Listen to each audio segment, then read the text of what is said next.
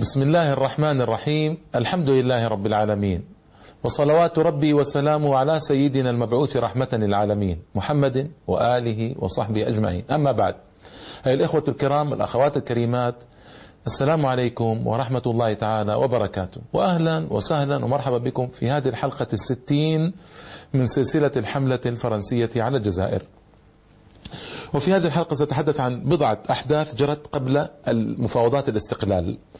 وهذه الأحداث كثيرة فكونوا معي يعني ركزوا قليلا لأني أنا مضطر في الحقيقة لإيجاز حلقات آه، كثر عددها وسأوجز ما استطعت إلى ذلك سبيلا. آه، مظاهرات الحادي عشر من ديسمبر سنة 1960 ستشاهدون صورا في ابتداء من عشر حلقات سبقت أو أكثر إلى آخر حلقات صورا وأفلام فيديو توضح آه، كثيرا من الجوانب التي أذكرها في الحلقات. في هذه الحلقات ستشاهدون عديدا آه، من الصور الموضحة لما أريد. الجزائريون في مظاهرات 11 ديسمبر 1960 هذه مظاهرات في الحقيقة آه، تصدت لها فرنسا تصديا آه، دمويا. قامت في حاشدة في كل مكان للتصدي لسياسة ديغول سياسة ديغول وسياسة المستوطنين كان المستوطنين الأوروبيون قد وصلوا إلى درجة أنهم عادوا ديغول معاداة تامة وعادوا أيضا آه، الجزائريين بالطبع كانت معاداة تامة لأن الثورة كانت قد أيضا حصدت منهم آه، عددا ولله الحمد. آه، وطبعا هنا عمل جبهة التحرير الوطني على التصدي لسياسة ديغول والمعمرين معا. حيث ارتكز ديغول على الفرنسيين آه، في الجزائر لمساندته وما ساندوه. وفي الوقت نفسه آه، جبهة التحرير الوطني ما رضيت بسياسته لأن كان سياسته فيها مراوغة وخداع ومحاولة توصل لأنصاف حلول وكانت جبهة مصرة على الاستقلال التام. آه، في يوم الحادي عشر من من ديسمبر 1960 خرجت خرجت جموع كبيرة من الشعب الجزائري عبر مدن الجزائر كلها تقريبا كثافة شعبية متماسكة مجندة وراء العالم الوطني وشعارات الاستقلال وتهتف بحياة جبهة التحرير. ويعني هذه طبعا آه، كثيرة جدا في أحياء كثيرة أيضا ذكر ذكرت الأحياء لكن لا داعي لذكرها.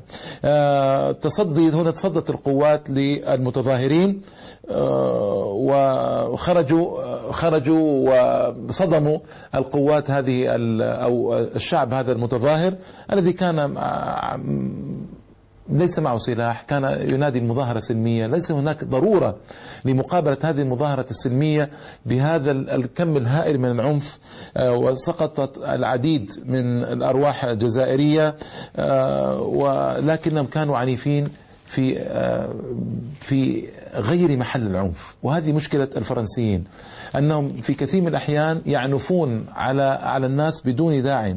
ليس هناك داع لهذا العنف. وهذا ثبت دائما. آه، مظاهرات دامت أزيد من أسبوع. شملت قسنطينة عنابة سيدي بالعباس الشلف البليدة بجاية آه، وغيرها. و وألقى فرحات عباس في 16 ديسمبر 1960 خطابا في وكان طبعا ذاك الوقت كما تذكرون كنت ذكرت هذا من قبل كان رئيسا للحكومه المؤقتة في القاهرة. في شكل ألقى خطابا أشاد فيه ببسالة الشعب وفضح فيه للعلن وحشية وغطرسة الاستخراب الفرنسي. آه، طبعا نتائج المظاهرات أكدت أن الشعب متماسك ومتجند كله خلف جبهة التحرير الوطني. آه، أيضا القضاء على سياسة ديغول تماما المتمثل في فكرة أن الجزائر جزائرية لكن لكن بشروط وأمور تجعل مرتبطة بفرنسا وفكرة المستوطنين الأوروبيين أن الجزائر فرنسية. على المستوى الدولي طبعا أدرجت آه، القضية الجزائرية مرارا في جدول أعمال الأمم المتحدة وتسعد دائرة التضامن مع الشعب الجزائري ومظاهرات آه، يعني 11 آه، ديسمبر 1960 فيها كلام كلام طويل في الحقيقة غير هذا لكن يكفيني هذا إن شاء الله تعالى. هناك أيضا مظاهرات جرت في باريس مظاهرات سنة 17 أكتوبر 1961 جرت في باريس وهي مظاهرات مهمة وهي آه، قامت بها فدرالية جبهة تحرير وطني في فرنسا. هذه فدرالية أنشأتها جبهة تحرير وطني في فرنسا كي تكون مساعدة لها في عملها في فرنسا تجمع العمال تجمع الطلاب تجمع المثقفين الفرنسيين الذين آه، آه، يؤيدون المطلب الجزائري. هذه المظاهرة هي سلمية ما كان أيضا آه، هناك أي داعي لمقابلته بهذا العنف الذي جرى. حدد له يوم الثلاثاء 17 أكتوبر 1961 وكانوا ينطلقون منددين بسياسة القمع الفرنسي. هذا فقط لا غير. ما هناك شيء آخر. لبى أغلبية المغتربين نداء الواجب الوطني رافعين شعارات ضد رموز القمع على رأسهم السفاح موريس بابون. هذا أيضا آه، للأسف الشديد قابلت تلك المظاهرة بحمامات دماء آه، كبيرة. اعتقل أكثر من 12 ألف جزائري في هذه المظاهرات. استشهد المئات بالرصاص أو غرقا في نهر السين. آه، طبعا وذهب ضحيتها الكثير. ممن ما كان أيضا هناك أي داعي لمقاومتهم بهذا بهذه الطريقة القاسية. إن صح التعبير طريقة قاسية وقاسية جدا. أعداد المظاهرين تراوح تقيل بين أنهم كانوا ثلاثين ألفا وقالوا إنهم كانوا أربعين ألفا. طافوا عشرين حيا من أحياء باريس المعروفة. آه، تظاهر سلمية تماما. ما كان آه، قلت لكم ما في أي أي سلاح ما في أي عنف. أوامر باب موريس بابون آه، كمسؤول عن شرطة باريس آه، صدرت مباشرة إلى الشرطة والحركة الحركة هؤلاء الخونة الجزائريين بتصدي لهذه الظاهرة. مما أسفر عن مقتل 300 شهيد ماتوا غرقا في نهر السين إلى جانب 400 مفقود لا يدرى أين هم ثم أوردت شهادات حية على أن كثير من الجثث بدت طافية في نهر السين أياما عديدة. وعشرات من الجثث اكتشفت في غابتي بولونيا وفانسان القريبة من باريس. إضافة إلى عدد غير معروف من الجزائريين تم التخلص منهم رميا من على متن الطائرات إلى البحر ليبتلعهم ليبتلعهم البحر بعد ذلك.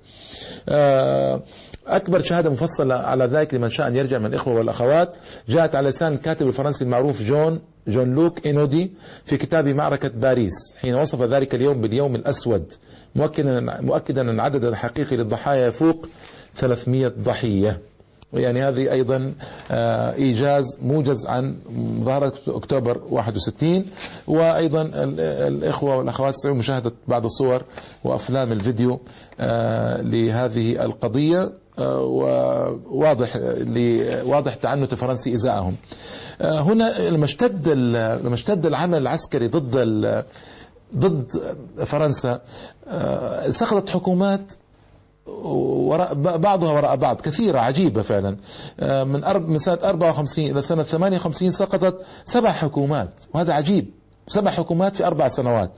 آه، حكومة بيير مانداس فرانس استمرت من نوفمبر 54 إلى 5 فبراير 55 يعني ثلاثة أشهر. حكومة إدغار فور من فبراير 55 إلى يناير 56 يعني عشرة أشهر. هذا إدغار فور هذا كان يعني آه، هو جاء وقال أن الجزائر فرنسية إلى الأبد وكان هذا يعني عجيبة. وكان يصر على أن الجزائر فرنسية إلى الأبد وقلع ولله الحمد. آه، حكومة جي مولي الاشتراكية من يناير 56 إلى إبريل 57 يعني سنة وشهر وشهرين تقريبا. آه، هذه الحكومة هي التي آه، اعتقلت زعماء الخمسة في قرصنة جوية عندما كانوا متجهين من المغرب إلى تونس وحدثتكم عنها قبل ذلك. حكومة بورجيس مونوري من مارس 57 إلى سبتمبر 57 يعني أيضا ستة أشهر. حكومة فيليكس جايار من نوفمبر 57 إلى أبريل 58 آه هذه المشهورة كانت بكثرة هزائم هزائم فرنسا العسكرية في الجزائر. كثرة هزائمها وفي المحافل الدولية أيضا كثرة هزائمها كما صار في الهند الصينية يعني فيتنام. حكومة بيير فيلملان من إبريل 58 إلى مايو 58 يعني أيضا آه ثلاثة أشهر سقطت بسرعة مذهلة ثم جاءت حكومة ديغول الذي آه أعلن عن آه سلسلة قرارات وسلسلة إصلاحات ونادى بسلام الشجعان وكل ذلك فشل واضطر أن يفاوض مرغما جبهه التحرير الوطني. بعد ذلك كما سآتي عليه إن شاء الله تعالى أيضا في كلام آه، بعد ذلك. طويل. هنا يهمني وبقوة أن أورد قصة محزنة وهي قصة منظمة الجيش السري. منظمة الجيش السري هذه آه، يطلق عليها اختصارا أو أس بالفرنسي أو إي إس تعني منظمة الجيش السري. هذه المنظمة في الحقيقة قصتها طويلة يعني أنا أحب أن أذكر بعض النصوص لأهميتها. هنا المستوطنون الأوروبيون المجرمون والفرنسيون أيضا الذين كان لهم مدة طويلة جدا في الجزائر وعدوا أن الجزائر صارت بلادهم وبعد أن سرقوها ونهبوها واستولوا على ثرواتها وخيراتها مع الإدارة العسكرية الفرنسية في الجزائر. اتفقوا اتفقوا معا على القيام بانقلاب على ديغول وعلى تنحيته من الحكم. لماذا لأن ديغول ابتدأ يقر بحقوق الجزائريين في جزائرهم وابتدأ قضية المفاوضات مع الجزائريين. فخافوا وكأنهم تيقنوا أن الجزائر ستضيع منهم للأبد فأنشأوا هذه المنظمة لأمرين اثنين.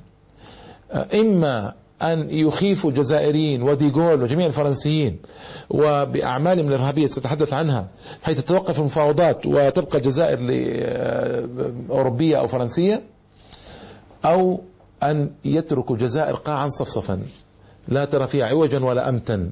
يحرقون ويقتلون آه، يقتلون كل من آه، كل القواد والنخبة المثقفة والنخب المفكرة في الجزائر ويحرقون كل البنية التحتية. فإذا استلم الجزائريون بلادهم يستلمونها أرضا صفصفا. هكذا هؤلاء المجرمون وهذا ما صنعوا.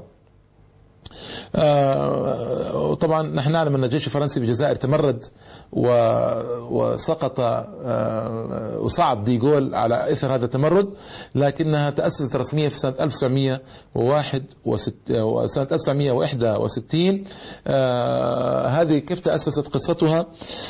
باختصار شديد في إطار تنسيق سري تماما التقى جون جاك سوزيني وبيار ليجيار هذان من ضمن المجرمين الكبار الذين كانوا في الجزائر. يوم 10 2 1961 في مدريد حيث تم تأسيس تنظيم إرهابي جديد. يحمل اسم منظمة الجيش السري OAS كبديل لكل التنظيمات السياسية العاملة. قائم على فكرة الجزائر فرنسية. وترأس التنظيم الجنرال المتقاعد سالان بمساعدة الجنرال جوهو وغاردي وسوزيني.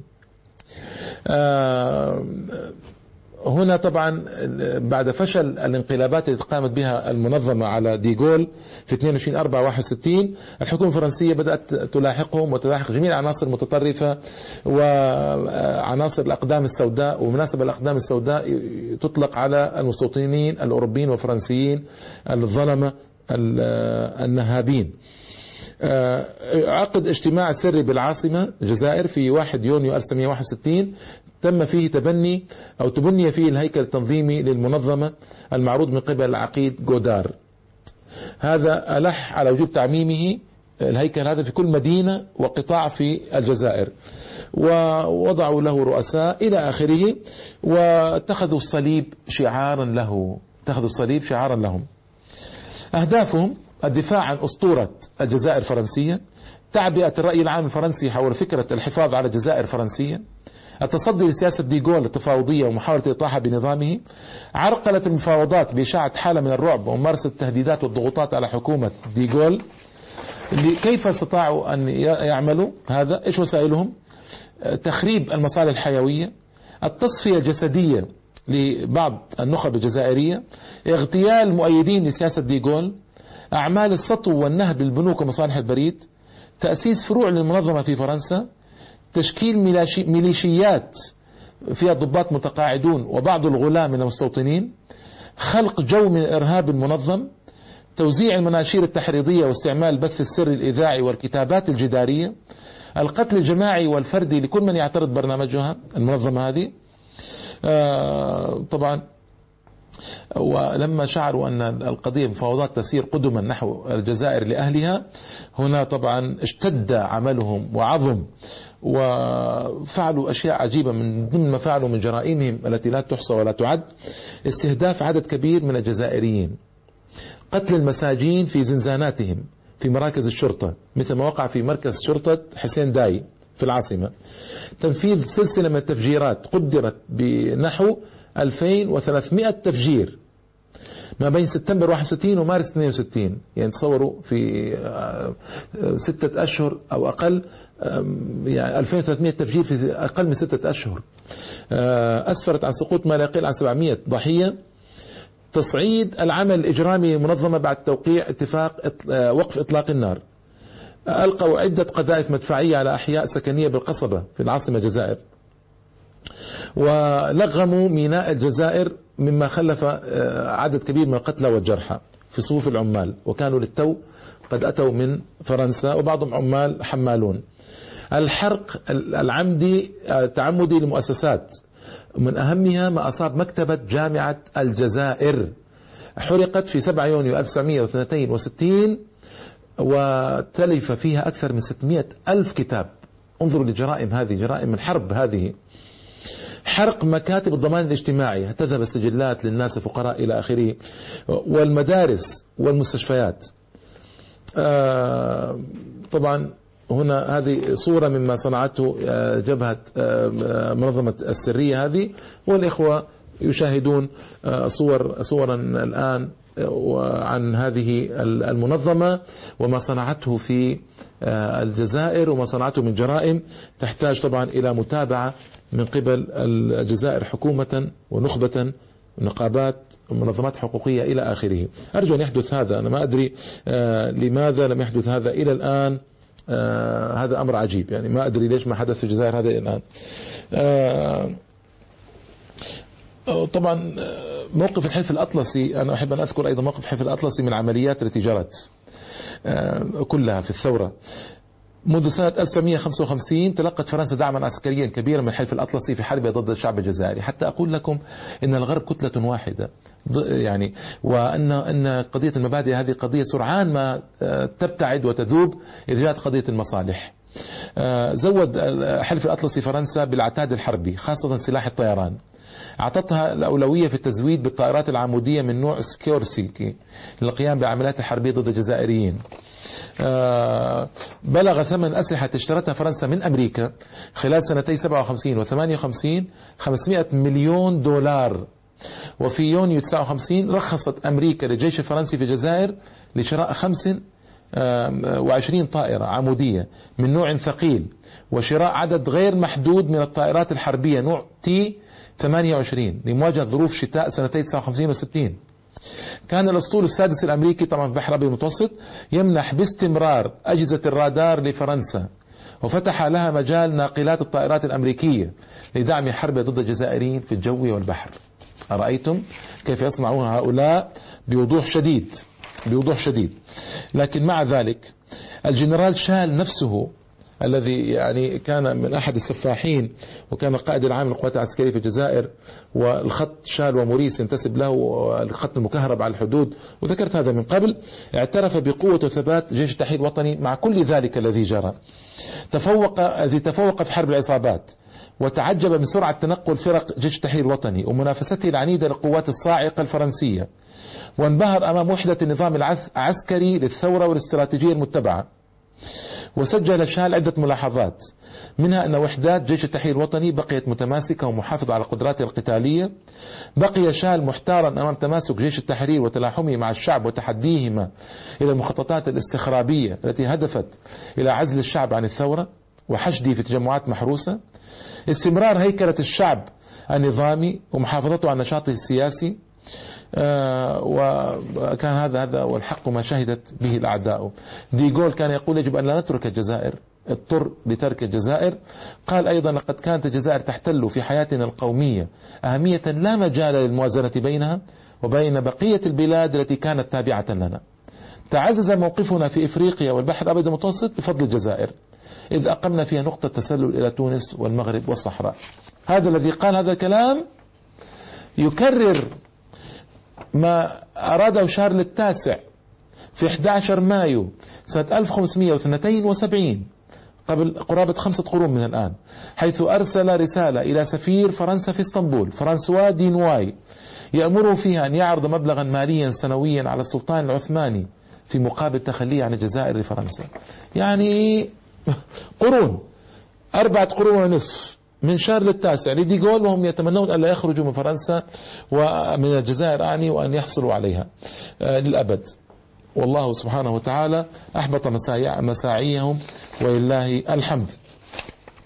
هنا عندنا آه، سياسة مهمة عملتها فرنسا من أجل حجر عثرة أمام الفوضات وهي سياسة فصل الصحراء. قالت إن الصحراء الكبرى هذه بحر متلاطم كبير جدا آه، تتنازع عدة دول مالي والنيجر وعدة دول يعني مشرفة على الصحراء ونحن ما نستطيع أن نعطيها للجزائريين. قبل أن نتصل بالدول ونعمل استفتاءات واستبانات وأرادوا أن يؤخروا تسليم الصحراء للجزائر قدر الإمكان. والسبب؟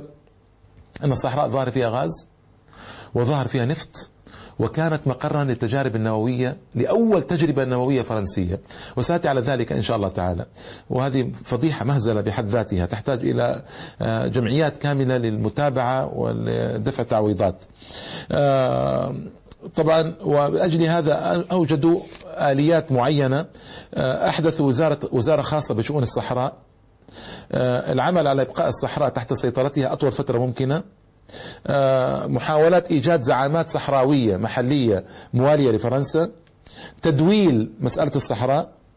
آه، من الناحية العسكرية عززت فرنسا وجودها هناك أكثر من أي وقت مضى وجعلت الصحراء ميدانا لتجاربها النووية. آه، الثورة ماذا صنعت؟ إعلاميا وسياسيا فضحت سياسة فرنسا في الصحراء ووعت الشعب وحذرت من السياق وراء محاولات فرنسا لشراء بعض القادة أو بعض الزعماء في الصحراء. آه، تنبيه دول الجوار إلى هذه المغالطات حتى لا تزل دول الجوار وتظل تطالب فرنسا باقتسام الصحراء كما يريد الفرنسيون حتى تطول القضية جدا. دفع الجزائريين للخروج في مظاهرات آه، لأجل التعبير عن وحدة الصحراء وأنا ضد التقسيم مثل مظاهرات مدينة ورقلة بجنوب الجزائر ومظاهرات آه، أخرى. عسكريا عمد جبهة التحرير الوطني إلى توسيع رقعة الثورة. اتجاه الجنوب أنشأ ولاية سادسة. كانت هناك خمس ولايات نتجت عن مؤتمر الصومام قسم قسمة الجزائر إلى خمس ولايات فيها ثورة. الولاية السادسة قرروا أن تكون آه، صحراء. آه، فتح جبهة عسكرية في جنوب الجزائر آه، وإلى آخره. في المفاوضات في البداية أصر جورج بومبيدو في لوزين على موقف فرنسا بقوله ليس من المصلحة إثارة مشكلة السيادة على الصحراء السيادة الفرنسية يعني. فإثارة هذا المشكل معناه البحث عن المصاعب. ليس فقط مع فرنسا لكن أيضا مع بلدان أخرى. إن فرنسا تباشر الآن تقسيم هذا الإقليم وفق الصيغة الأرحب في إطار دولي. الصحراء بحر داخلي له جيرانه ومن بينهم الجزائر. وفرنسا ستلتزم باستشارات جميعا. رد عليه طبعا المفاوض الجزائري لكن هذا أدى إلى تعطيل المفاوضات ديغول في 5 9 سنة 1961 اعترف بالسيادة الجزائرية على الصحراء واعترف بأن جزء لا يتجزأ من الجزائر وكانت هذه قفزة نوعية وديغول أسرع بالاعتراف في هذه القضية وفي غيرها يأسا تاما منه من نجاح حملته العسكرية الضخمة في الجزائر.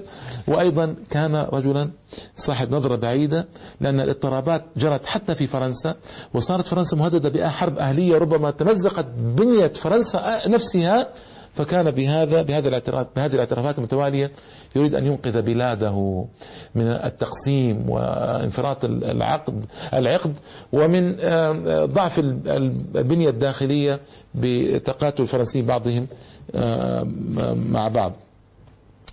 طبعا لكن هنا الفرنسيون حددوا مطالبهم بعدة مطالب يعني أرادوا أن يطيلوا أمد الاستقرار في الصحراء آه، طلبوا أن يستقروا في الصحراء بعد الاستقلال من خمس إلى عشر سنوات ممارسة مهام الشرطة في منطقتي رجان وبشار وبشار. تحتفظ فرنسا بمطارات في رجان وبشار وبوفريك لمدة نفسها يعني من خمسة إلى عشر سنوات. الترخيص الطائرات بالهبوط في بسكرة ورقلة تندوف تلاقمة لنفس المدة. الطرف الجزائري طبعا ما رضى ما رضي آه، لكن عملوا اتفاقات تتضمن الآتي الاعتراف بالوحدة الترابية لكامل القطر الجزائري وكانت اعترافا مهما. اعتراف الفرنسيين بالسيادة الجزائرية على الصحراء.